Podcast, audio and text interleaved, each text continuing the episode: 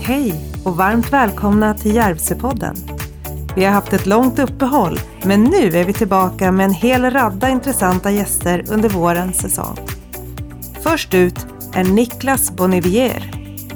Niklas är ingenjören som sadlade om till designer och hans utbildningar och jobb har tagit honom från Ljusdal till Gävle, till Stockholm, till Florens, till Växjö och av en slump så blev han faktiskt intresserad av mathantverk och flyttade till Jämtland där han utbildade sig till charkuterist. Förutom riktigt god korv, fri från alla onödiga tillsatser, gillar Niklas både golf och travhästar. Men när det handlar om hockey så är det Brynäs som gäller. Till vardags så driver han numera Gulo Gulo charkuteri här i Järvsö. Välkommen Niklas till Järvsöpodden. Tack för det. Du är ju först ut nu 2020 och vi ska prata om Gulo Gulo charkuteri som är din eh, kärnverksamhet. Just det. Vad är det? Ja, det är ju ett eh, charkuteri. Jag håller till i Skästra. Som, eh, jag drog igång det efter att jag gick en eh, ettårig utbildning på en skola i Jämtland som heter Eldrimner uppe i Ås utanför Östersund. Så ja, hade ju sån tur att eh, i princip när, när utbildningen var klar, då blev den här lokalen ledig här i Järvsö. Så då, ja, det var ju liksom inget att tveka på, utan jag fick ju köra från noll och gasa liksom. Så att, eh, ja, där, där är jag nu då. Men hade du fått eh, lokalen innan eller var det precis när Jo, du hade alltså, examen? Eller? Ja, men jag fick nys om den kanske i, kan det vara april?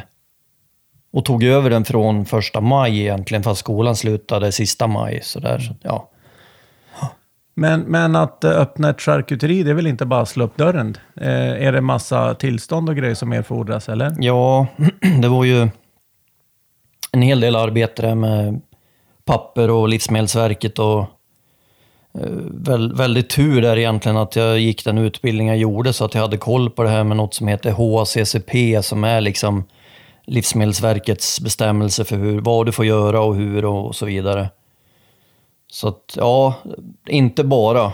Gan- Ganska, kanske en ganska dyr verksamhet att dra igång charkuteri om man jämför med bageri till exempel. så, Ja, lite stökigt, det var det. Var det. Men, men eh, när du då valde att gå den här utbildningen, kände du så här att Nej, men det här vill jag satsa på? Hur kommer det sig att du ville satsa just på den här verksamheten? Det var ju lite, lite slumpartat kanske man kan säga. Alltså, om jag, ska jag dra det från Kör. början? Liksom? Ja, kör. Jag, eh, jag blev av med en anställning i Stockholm och då, då kände jag lite så här att ska jag fortsätta söka de här jobben som jag egentligen inte vill ha? Eller ska jag försöka hitta något nytt här i livet? Och jag har väl alltid liksom gått min egen väg och inte varit rädd för att testa nya saker. Eh, började fundera kring mat. För mat äter vi alla.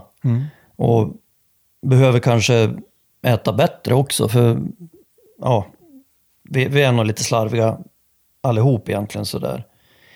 Och hittade då den här skolan och de hade såna här prova på-dagar. Där man fick testa på. Då har de då bageri, mejeri, charkuteri.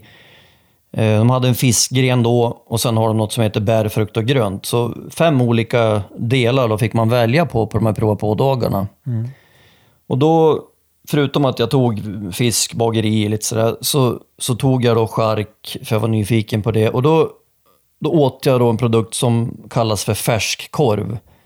Alltså en, en eh, köttfärs, rå, kryddad korv som man steker eller grillar. Och jag tyckte att det var alltså något så helt fantastiskt. Det var helt nytt för mig. Jag hade aldrig ätit någon sån korv. Visste inte att det fanns. Så alltså just den gjorde att jag sen sökte den här utbildningen. Otroligt nog. Så jag tänkte att jag åker upp och bara testar det här. Eh, Jag hade ingen tanke liksom på att det här ska bli en ettårig utbildning, utan jag åker upp och testar lite och, och ser vad det är för någonting bara. Som ett litet intresse. Och eh, ja, sen blev det så att jag, jag sökte ändå den utbildningen för jag, jag hittade inget annat och, och fundera på det. Ska jag söka de här dåliga jobben? Nej, jag, jag väljer att må bra eller försöka hitta något som jag mår bra av. Och då blev det så att jag efter ett år var utbildad charkuterist på en YH-utbildning. Gul och charkuteri, vad, vad betyder gul och gulo? Var kommer namnet ifrån? Ja, det är ju, det är ju järv på latin. Ja. Och eh, det var väl liksom inget som, som jag bara tog i luften när jag skulle hit. Jag har alltid tyckt att just gul och gul, det låter lite roligt. Eh, ganska schysst djur också kan jag tycka, så här, som har fått dåligt rykte av att vara en, en som dödar för nöjes skull. Men det stämmer ju inte, för det har jag läst på. Eh, det här får väl eh, Lina Hjelk på Järvsö bekräfta annars, men eh, de äter ju oftast eh, as och så, så det är ett ganska snällt djur ändå. Nej men gul och gul, jag ville ju ha en Järvsö-koppling. Utan att för den skulle heta Järvsö eller något. Så då blev det en, en, ett järvhuvud som logotyp och, och gul och gul och som namn. Och Jag är så nöjd att jag lyckades regga gulogulo.se och gulogulo.nu. Så att, alltså, jag kommer ihåg att det här namnet, eller alltså den eh, domänen då, gulogulo.se, den skulle ticka ut. Ja. Och då har man ju rätt att köpa den då. Och jag, jag pratade med Svartpist om, ja hur gör man, hur gör man? Och så, så kommer jag ihåg, jag satt där klockan sex på morgonen och liksom väntade in. Och, och så plötsligt så var den fri och så betalade jag och har jag fått den? Har jag fått den? Liksom. och så fick jag den. Så ja, det var lite roligt. Sådär då. Ja, Alltså i, I dagens samhälle så är det ju jätteviktigt med rätt domäner och man ska ha du vet, Facebook-sidor och det ska finnas alla grejer. Så att det är ju fantastiskt att man kan koppla ihop allting också. Ja, precis. Ja, vad härligt. Ja. Ja, apropå då de tekniska delarna och sånt där. På din hemsida så kan man ju läsa så här. Mathantverk är ledord i produktionen och den kunniga handen ska ha hög närvaro i processen. Vad menar du med det? Ja, med mathantverk så, så menar väl jag att jag inte använder uteslutande maskiner och, och dessutom då inga onödiga tillsatser utan eh, särskiljningen mot, mot en större industri kanske är att jag, dels har jag möjlighet att, att jobba mycket med handen då men sen att jag inte har de där maskinerna som sköter kanske portionering av korvstorlek eller sådär. då. Men eh, jag behöver ju också använda handen och, och göra vissa moment så att det, det blir ju en, en större del att, att människans hand är med och, och jobbar. Och eh, sen är det kanske också så att jag till större delen än stora industrier att jag jag står ju och skär kött för hand och tar bort körtlar och blod och ja, saker som inte jag vill ha i mina korvar helt enkelt. Eh, det är ju bara kött, späck, vattensalt och kryddor i mina korvar. Det är ju inget annat liksom. Sen har ju en del som jag inte ännu har utvecklat så mycket, men lufttorkning av produkter, det är ju en hel vetenskap med temperatur och luftfuktighet och ja, omsättning av luft och ja, allt möjligt sådär. Så att det finns ju de som har anläggningar som sköter automatiskt, men det kommer ju inte jag kunna ha. Så att, Ja, det, det är mycket med kanske hjärna och hand, om man säger så. Då, att man måste vara lite aktiv i processen. Då. Mm. Kommer det, kommer det också synas när man går in i, i din eh, butik att wow, här är någon som verkligen har lagt ner liksom mycket själ och känsla eftersom att korvarna är liksom inte så här exakt lika stora, exakt lika långa, liksom, utan att din, dina produkter, det syns att det här är ett hantverk. Ja, jag hoppas det. Det, det har jag lite svårt att egentligen säga, men det är klart, det, det kan jag väl se att vissa industriella produkter, de kanske är lite för perfekta, så, så är det väl. Så att, ja, någon, någon, eh, någon variation där i, i utseendena, det, det kommer man absolut att se. Ehm, du pratar om att du har väldigt eh, speciella önskemål vad du ska ha i din korv. Var får du din inspiration ifrån och var, liksom, var får du recepten ifrån? Är det du själv eller får du inspiration av andra till, till korv? Ja, alltså dels har vi med oss lite grann från utbildningen. Eh, Det är ju en stor del eh, inspiration från Tyskland i min utbildning och även kunnande. Vi har ju experter från Tyskland som kommer upp och lär oss om lufttorkning och färskkorv och, och allt möjligt sådär då. Ta hand om hela djuret liksom och göra produkter på allting. Så där har vi med oss ett recepthäfte, men där är det väl lite så att de tyska produkterna kanske inte riktigt funkar i Sverige skulle jag väl säga. Jag tror vi vill ha mer salt och kanske också mer kryddning i vissa fall. Så där behöver jag skruva lite grann. Så tar jag ett recept så får jag ändå testa några gånger och se, så här vill jag ha det. Men sen finns det ju finns mycket på nätet. Alltså, jag, jag har ju bott i Italien som sagt och då kan jag ju leta på italienska sidor och försöka tolka vad finns det i den här salamin och, och försöka skapa utifrån det. Och sen finns det mycket litteratur eh, att läsa och, och inspireras och sådär. Så att, ja, finns mycket recept och, och vrida och vända på själv då. Mm. Vad är skillnaden mellan lufttorkade produkter och värmebehandlade? Mm. Eh, Båda processerna syftar ju till att döda de bakterier som är farliga för människan. Då. Eh, en värmebehandling det gör jag i ånga. Och då är ju målet att dra upp kärntemperaturen till 70 grader. Det, Livsmedelsverket säger ibland 72, men sen kan du ha 70 grader i en viss tid eller till och med ner på 68 om du håller tillräckligt lång tid. Då. Så det beror lite på hur du vill göra där. Och då har du då dödat de farliga bakterierna så att säga och du får en, en bra hållbarhet på den produkten. En lufttorkning då, eh, den, den fungerar ju så att de, antingen de naturliga mjölksyrebakterierna i, i en köttbit eller om du tillsätter mjölksyrebakterier i en korv, då, då jobbar ju de emot de farliga bakterierna och då handlar det om att komma ner i ett visst pH-värde för att döda de där farliga bakterierna. Och sen vill du komma upp en sväng igen för att inte produkt... Ja, du behöver inte gå upp. Du kan få en syrlig produkt om du vill. Men ofta vill man gärna stiga upp lite grann då. För, eh, för smaken så att säga. Då. Så ja, det, det är väl... Så själva processen är att ta bort de, de skadliga bakterierna som är skadliga för oss. Ja. Och sen använder man bara olika tekniker. Ja, precis. Ja. Jag vet inte om jag sa det med lufttorkningen. Ja. Du vill ju naturligtvis sakta men säkert torka ur den här produkten inifrån och ut.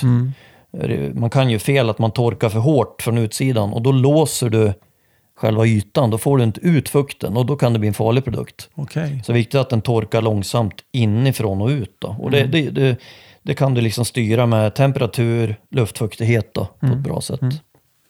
Enligt traditioner kring korvtillverkning så var det gammalt ett väldigt slitsamt arbete. Bland annat så skulle ju blodet eh, tas upp från det slaktade djuret och man gjorde blodkorv och blodpalt och så vidare. Hur fungerar det här för dig som en eh, enskild eh, person? Är du med i processen när du slaktar eller köper du färdigt kött? Eller Ja, hur funkar nej. det? Nej, om jag skulle...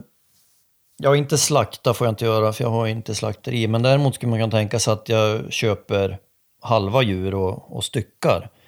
Men det blir väldigt mycket eh, restprodukter som ska tas om hand och så här. Och det, det är också en kostnad. Så ja, nu har jag gjort så att jag köper färdigstyckat kött.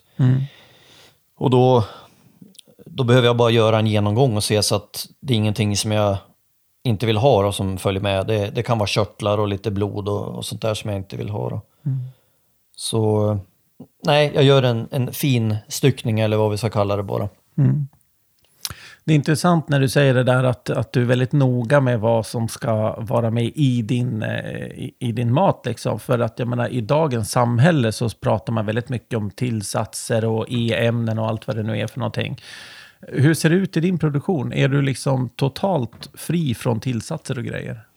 Ja, jag har valt att göra så att jag kör helt tillsatsfritt. Och då menar jag inte bara i-ämnen utan du kan ju även tillsätta potatis, mjöl, fiber eller tapioka som det heter, arrow, ar- arrowroot kan det heta. Alltså saker som binder upp vätska och, och gör en bindning. Till exempel om man gör köttbullar hemma så har man ju ofta i lite ströbröd. Och det är väl för att suga upp vätskan och, och binda den produkten. Då. Men, och det här kommer ju från min utbildning. Det var en stor diskussion bland, bland annat om nitrit som på, om det behandlas fel skulle kunna vara cancerframkallande. Och då tycker väl jag någonstans att om det då är en onödig tillsats, varför ska vi då ha den? Eh, nitritet till exempel, det- det det gör är att det binder upp färgämnet i blodet, myoglobinet, och, och, och ger en, en rosa produkt. Och det är vi ju vana med. Mm. Annars blir det en grå korv som jag har. Och det är många som tycker att det ser förfärligt ut. Mm. Och, men då, då, då får man liksom tänka om. Måste, vi, måste vi äta med ögat hela tiden? Va- varför är köttbullen grå men korven rosa? Kan man ju fundera kring. Mm. Så ja, så har jag valt i alla fall att, att göra då. Och eh, det, det är inte så många som efterfrågar nitritfritt har jag märkt. Men någonstans hoppas jag att man kanske börjar fundera i alla fall. Är det nödvändigt? Man pratar ju till exempel om något som heter E-nummer cocktail.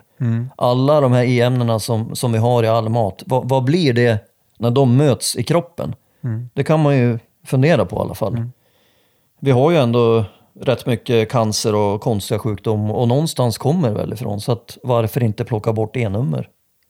Ja, om det inte behövs i produkten så är det ju jättekonstigt att man stoppar till det. Om man stoppar in konserveringsmedel för att det ska hålla längre, det, det kan jag ju förstå. Ja, det är en sak. Men, men eh, att man stoppar in nitrit för att, eh, för att korven ska vara rosa känns ju jättekonstigt. Är det, är det, liksom, är det en, en het debatt det här bland eh, charkuterier eller är det, är det liksom för att vi har vant oss med att produkterna ska se ut på ett speciellt sätt som gör att vi fortsätter med det? Jag tror att debatten var större för ja, sju, åtta år sedan eller någonting. Ehm, jag, har- jag har sett en fransk dokumentär där en av de största tillverkarna av påläggsskinka och sånt i Frankrike eh, står och erkänner att de tillsätter inte något nitrit för att döda några bakterier som man gjorde förr egentligen, de med salpeter och så. Utan det är enbart för att skapa en rosa färg. Plus att det, det ger en lite annorlunda smak som vi har vant oss med också. Men så han står ju och erkänner att det är, vi tillsätter E-nummer för att skapa en rosa färg. Och då, då tycker jag någonstans att då är det fel. Liksom. Då måste vi förstå att så här ska inte den här produkten se ut. För vi har haft eh, den här debatten med antibiotika också i kött och så vidare. Eh, Det är också någonting som vi måste tänka på längre fram. Alltså vi stoppar i oss och vi köper kött utomlands som, som innehåller massa tillsatser som inte är bra för oss. Eh, Och så är det ju fantastiskt att höra att du väljer att köra en korv eller dina produkter, alla dina produkter är utan tillsatser. Ja. Och det måste ju liksom lyftas fram på något sätt för att jag tror det är, det är framtiden. Ja, ja man får ju hoppas att det är så. Hörru du, i julas så drog du igång en uh, foundraising Mm. med Kickstarter. Vad, vad, vad är det för något? Ja, precis. Det var ju... Det har, det har ju varit väldigt segt får jag väl säga att få igång försäljningen. Så jag behövde få in eh, försäljning på något sätt och då, då var det min tanke att göra som en liten kickstart-kampanj. Jag kallar väl det för Kickstart My Shark eller någonting. Eh, så att man, man kunde gå in med en peng, så fick man plocka ut produkter för den här pengen plus en liten bonus då. Men det blev väl ingen succé och jag, jag orkade inte riktigt eh, driva reklamen kring det där heller. Jag tyckte det kändes liksom fel att tigga om finanser liksom sådär. Så att det, det enda som hände var att det var två personer som sponsrade mig med tusen kronor var. Så det var i alla fall väldigt fint. Men ja, det var väl lite synd att jag kanske inte orkade driva det där. Men det, det går väl att ta upp igen och det kanske ska läggas upp på något annat sätt. Jag, jag, jag vet inte, jag ska fundera vidare men eh, tycker väl idén kan vara rätt trevlig att man skulle kunna hjälpa en nyföretagare och samtidigt få något för det. Det finns ju något som heter patrons också. De ger pengar utan att vilja ha någonting tillbaka. Så att Det här var i alla fall ett sätt att göra något form av utbyte. Då. Så, Så, så ja. tanken är att, att Järvsöborna ska kunna lägga en liten eh, månadsavgift och, till exempel. Och så kan de bara åka dit och hämta sin korv där på fredag eller vad det nu är för någonting de vill ha. Liksom. Precis, månadsavgift eller engångspeng. Och eh, ja, nu har jag öppnat eh, gårdsbutik här på fredagar så att eh, då skulle man ju kunna komma en gång i veckan och hämta en liten kasse. En liten matkasse. Ja, ja precis. vad härligt. Och var, var har du din butik? Ja, den är ju i anslutning till charken i, i Skästra. Uppe på Skästraberget, då, Skästrabergsvägen. Så eh, nu har jag ju valt att öppet fredagar från 12 till ungefär 17. Mm. Men eh, alltså det, det går jättebra att kontakta mig om man inte har möjlighet att komma en fredag utan man kommer någon annan tidpunkt. Men bara man hör av sig innan, för jag står ju ofta och jobbar och då är det svårt att bryta liksom när köttet är framme. Och, Jag förstår. Alla dina kontaktuppgifter finns ju på gulogulo.se. ja. Ja, ja. och där kan, hittar man till Facebook-sida om eh, aktuella erbjudanden kanske och lite annan, eh, om du är ute på, på eh, äventyr. För jag har ju sett att du har varit med på lite olika eh, marknader och sånt där. Mm. Hur, hur funkar det?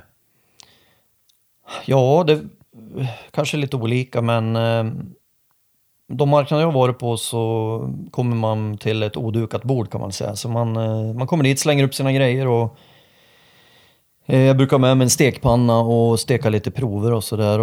Ja, det har varit positivt svar. Det, det är lite roligt att möta kunden sådär i verkligheten för att eh, några gånger har jag ju fått höra sanningen att det ser oaptitligt ut för att de är gråa då. Men samtidigt så de människor som, som är intresserade och smakar, de, de kan ibland säga att det är det godaste de har ätit. Så det, man får verkligen alla spektran liksom. så att, ja, det, det, det är väldigt spännande. Det är, det. är kul. Ja, kul, vad roligt. Och vilken satsning. Hjälpsöpodden.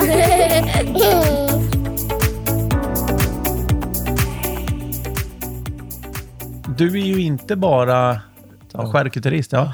Du är ju även en utbildad designer. Ja, just det. Ja, hur kommer det sig? Ja. Det blir en, en rätt lång historia. Ska jag dra hela eller? För det här är ju, vad är det, 20 år sedan kanske, eller? Eh, nu ska vi se, 2009, ja, eh, 10. T- Tio år sedan. Ja, ja. För du har ju gjort en, en gunghäst i trä som Ja, du har det. designat. Som har fått ett väldigt fint pris. Ja, just det. Vad är det för pris och vad, vad, vad kommer idén till gunghästen ifrån? Ja, det, jag gick ju eh, tre år design då på Linnéuniversitetet i Växjö och en kurs var att vi skulle göra en, som det heter, hommage, alltså en hyllning till en känd designer, arkitekt som het, hette Gerrit Rietveld, en holländare. Och han, han har gjort en väldigt speciell stol som heter Red and Blue Chair. Eh, den får man nog googla upp eh, så man förstår hur den ser ut och, och är byggd och sådär. Eh, så vi fick ett materialkit, bland annat med lite trä. Så då gjorde jag någon, någon form av eh, gunghäst, eh, prototyp eller vad vi ska kalla det.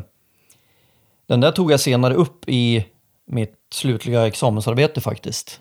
Och gjorde den till en färdig gunghäst. Och eh, ja, den är, den är väldigt eh, speciell får man väl säga. Så jag tänkte att jag, jag ställer upp med den här i den här Formex Formidable-tävlingen då som är eh, Dels ansöker du först och så blir du utvald och sen får folket rösta fram då en produkt som de tycker är liksom årets designprodukt. Och av någon anledning så vann jag med min gunghäst. så ja, eh, helt, helt otroligt egentligen. Men eh, Den är vacker. Jag har sett den. Ja. Den är otroligt vacker. ja, den, den är väldigt annorlunda. Man måste Ja. nog ha ett visst eh, designintresse för att eh, ja, förstå och tycka om den kanske. Och den har du gett bort, tror jag, till någon. Eller hur? Ja, jag fick äran att göra ett specialex till eh, ska vi se, Estelles dop, tror jag var. Prinsessan Estelles dop. Och det var Länsstyrelsen i Kronoberg som gav bort den då. Och det var ju inte, så jag vill ju gärna att fler är med en sån här gång. Så jag kontaktade ett eh, förpackningsföretag i Småland. Alltså de, de gjorde en så snygg låda med liksom kungliga mönster och till prinsessa, alltså det vackraste jag har sett. Så, Med hjul och så kunde liksom landshövdingen gå och dra den där lilla kartongen då, hängde ut en svans där bak ja. liksom. Ja, men vad häftigt. Ja, det, var- det var väldigt kul faktiskt. Ja, äh, vad, vad roligt att du vann priset och vad fint att du fick eh, eh, göra en, en special edition till Mm. eh, Stella. Ja, vad, vad häftigt. Vad önskar du dig av året 2020 nu då? Ja, först och främst att, att det löser sig med försäljning och så, att företaget börjar ticka in pengar. Eh, jag har ju på gång just i dagarna här att jag ska till Stockholm och träffa flera eh, affärskedjor då, som, som har den här inriktningen på produkter, tillsatsfritt och så. Kajsa Warg, Paradiset, Urban Deli till exempel. Då. Så jag, det hoppas jag ju väldigt mycket på. Eh, annars blir det nog väldigt svårt att, att överleva på det här. Så att, ja, jag, jag hoppas väldigt mycket på det då.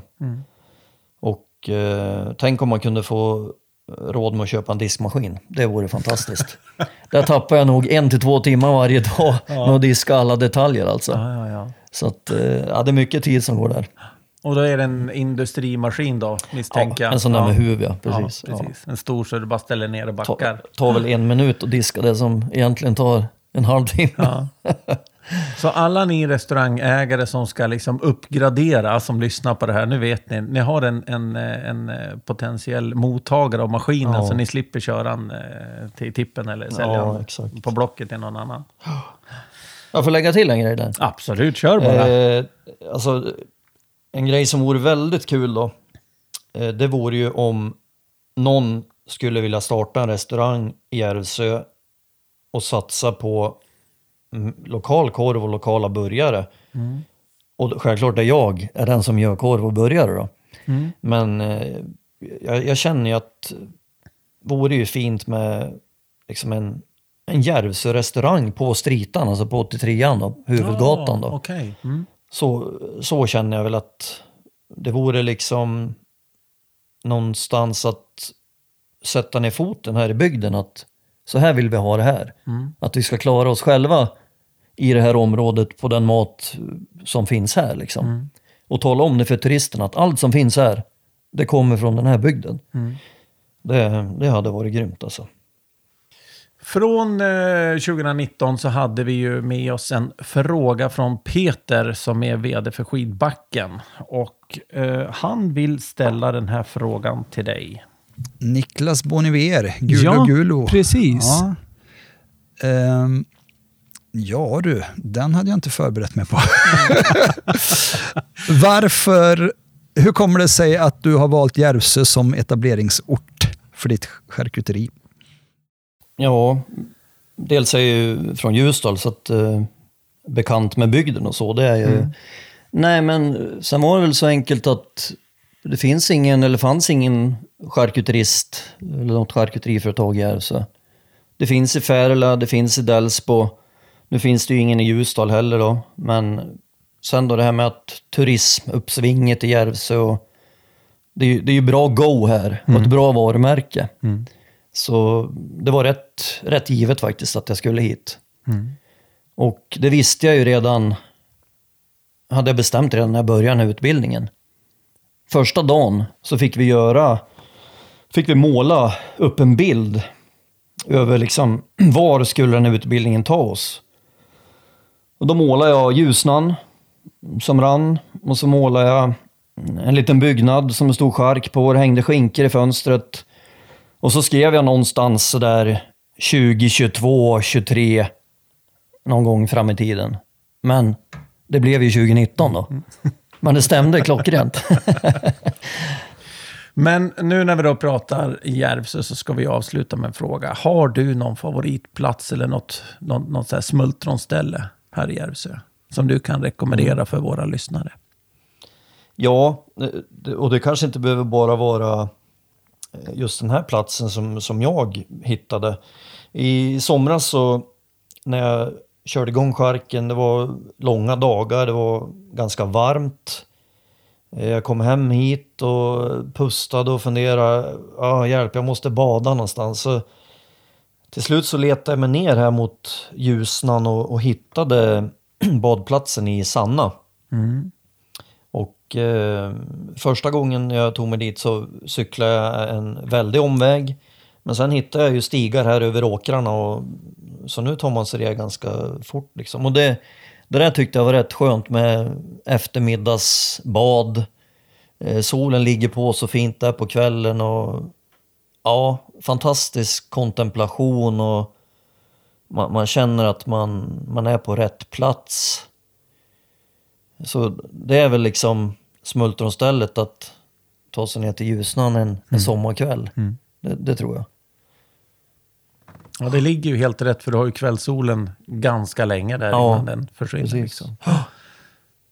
Och, och ganska lite folk då där på kvällen såklart som Mm. kanske alla badplatser men ja, rofyllt och ja, kontemplativt. Finns det någon grillplats där? Det finns, eh, ska se här. Nej, jag minns inte riktigt om Nej, det är en sån nej. där liten bod. Ja, men precis. För finns det något sånt så kan man ju ta med sig någon korv och grilla korv. Ja, absolut. det kanske är någon sån här eftermiddagsaktivitet som jag ska lägga ut på Facebook eller något. Niklas, jättetrevligt att du har varit med här i Järvsöpodden. Tack så hemskt mycket för att jag fick vara med. Jag hoppas verkligen att vi får in det här i fredagsköret nu då. Att vi åker ut till dig mellan 12 och 17 ute i Skästra och hämtar en liten eh, en, en köttpåse kanske. En Ja. korvpåse. Ja, Ja, någonting sånt. Det tycker jag låter jättebra. ja. Vi satsar på det. Ja, Tack så mycket. tack. tack,